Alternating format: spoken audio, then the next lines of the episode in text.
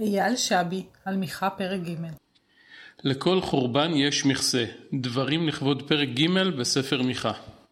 אם ישאלוני מהו התסמיך, אסוציאציה, שעולה בראשי למשמע המילה סיר, קרוב לוודאי שאענה בשם של תבשיל טעים לחך כלשהו.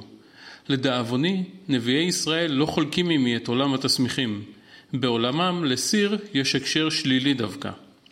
ראשון היה ירמיהו, שראה סיר נפוח אני רואה, ופניו מפני צפונה, וחזה את הפורענות שתבוא על יהודה מכיוון ממלכת בבל. יחזקאל שם בפיהם של יושבי ירושלים את דימוי ירושלים כסיר המגן עליהם מפני האויב הבבלי.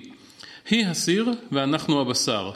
אך הופך את הדימוי בהמשך הפרק ומבשר כי ירושלים תהיה לסיר שבה יתבשלו תושביה כחללים, ואתם תהיו בתוכה לבשר. יחזקאל חוזר לדימוי ירושלים כסיר מספר פרקים לאחר מכן, סיר שבו ימצאו את מותם תושבי ירושלים. כה אמר אדוני אלוהים, שפוט הסיר שפוט וגם יצוק בו מים, אסוף נתחיה אליה, כל נתח טוב, ירך וכתף, מבחר עצמים מלא.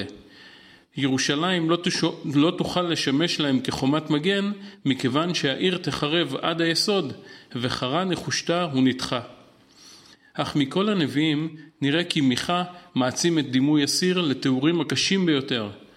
שונאי טוב ואוהבי רע, גוזלי עורם מעליהם ושארם מעל עצמותם, ואשר אכלו שאר עמי ועורם מעליהם הפשיטו, ואת עצמותיהם פיצחו ופרסו כאשר בסיר וכבשר בתוך קלחת.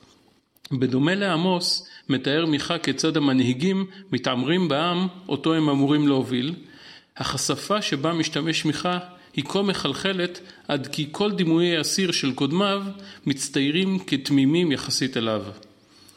ייתכן כי הדבר נעוץ בקבלה שלנו לאחר קריאת 535 פרקים את מעגלי החטא ועונשו בין ישראל לקדוש ברוך הוא.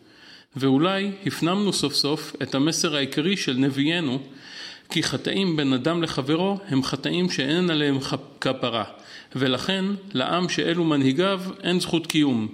לכן בגללכם ציון שדה תחרש וירושלים עיין תהיה והר הבית לבמות יער.